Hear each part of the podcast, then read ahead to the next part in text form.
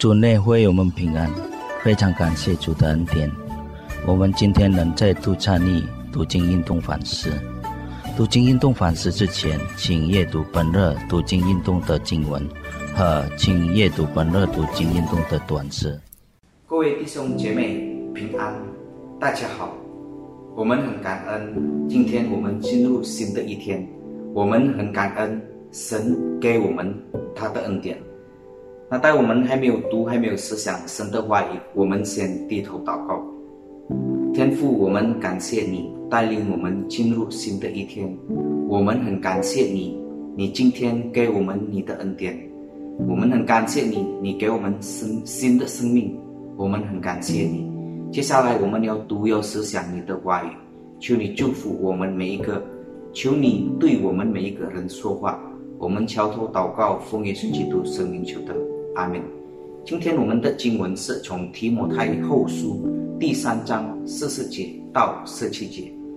圣经这这样说：当你所学习的、所确信的，要存在心里，因为你知道是跟谁写的。并且知道你是从小明白圣经，这圣经能使你应信基督耶稣有得救的智慧。圣经都是神所默示的，于教孙督者，世人贵正，教导人写意，都是有益的。教属神的人得以完全预备性格样的三世。那如果对我们有人问这样，在你们生活上什么是最重要的？那我们怎么样回答？对一些人最重要是他们的工作，所以我们不奇怪，如果有一些人他们一早就起来。然后去做工，很晚才回来。有一些人从早上到晚上很努力做工，为了挣很多钱。对一些人，最重要是他们的工作；那另外的人，对他们说最重要是他们的家人、他们的家庭。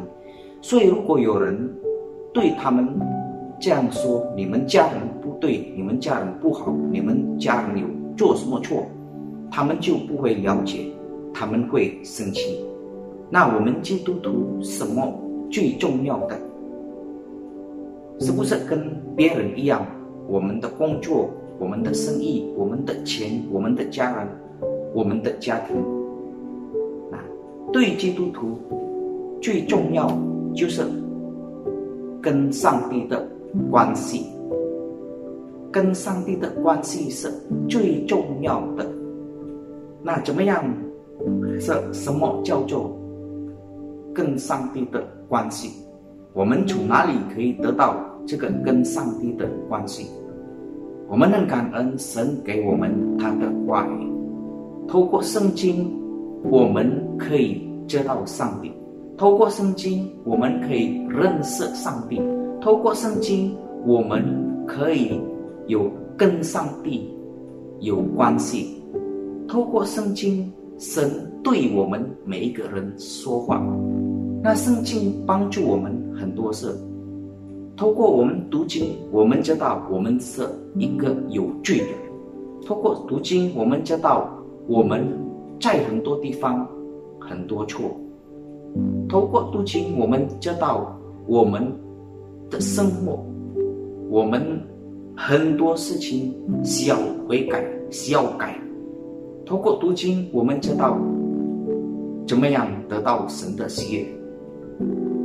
所以，对基督徒读经是很重要的。成为一个基督徒，不可能不读经，因为如果你不读经，意思说我们跟上帝没有关系。我们我们觉得我们不需要知道他，不需要认识他，不需要找他对我们的要求是什么？那圣经刚才说，圣经都是神所漠视的，所以神神自己对我们说话的。在圣经里面写的所有是神对我们的旨意是什么？神对我们的要求是什么？圣经也这边有说，圣经于教孙读者舍人贵正，教导人写意都是有益的。意思说，圣经会告诉我们很多事情。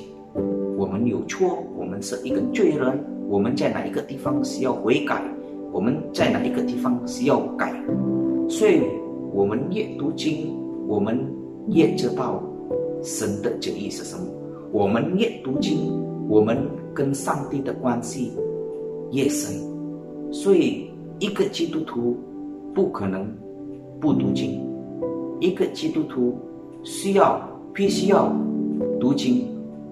所以，过了读经，我们可以越来越认识上帝，越来越有更深的关系。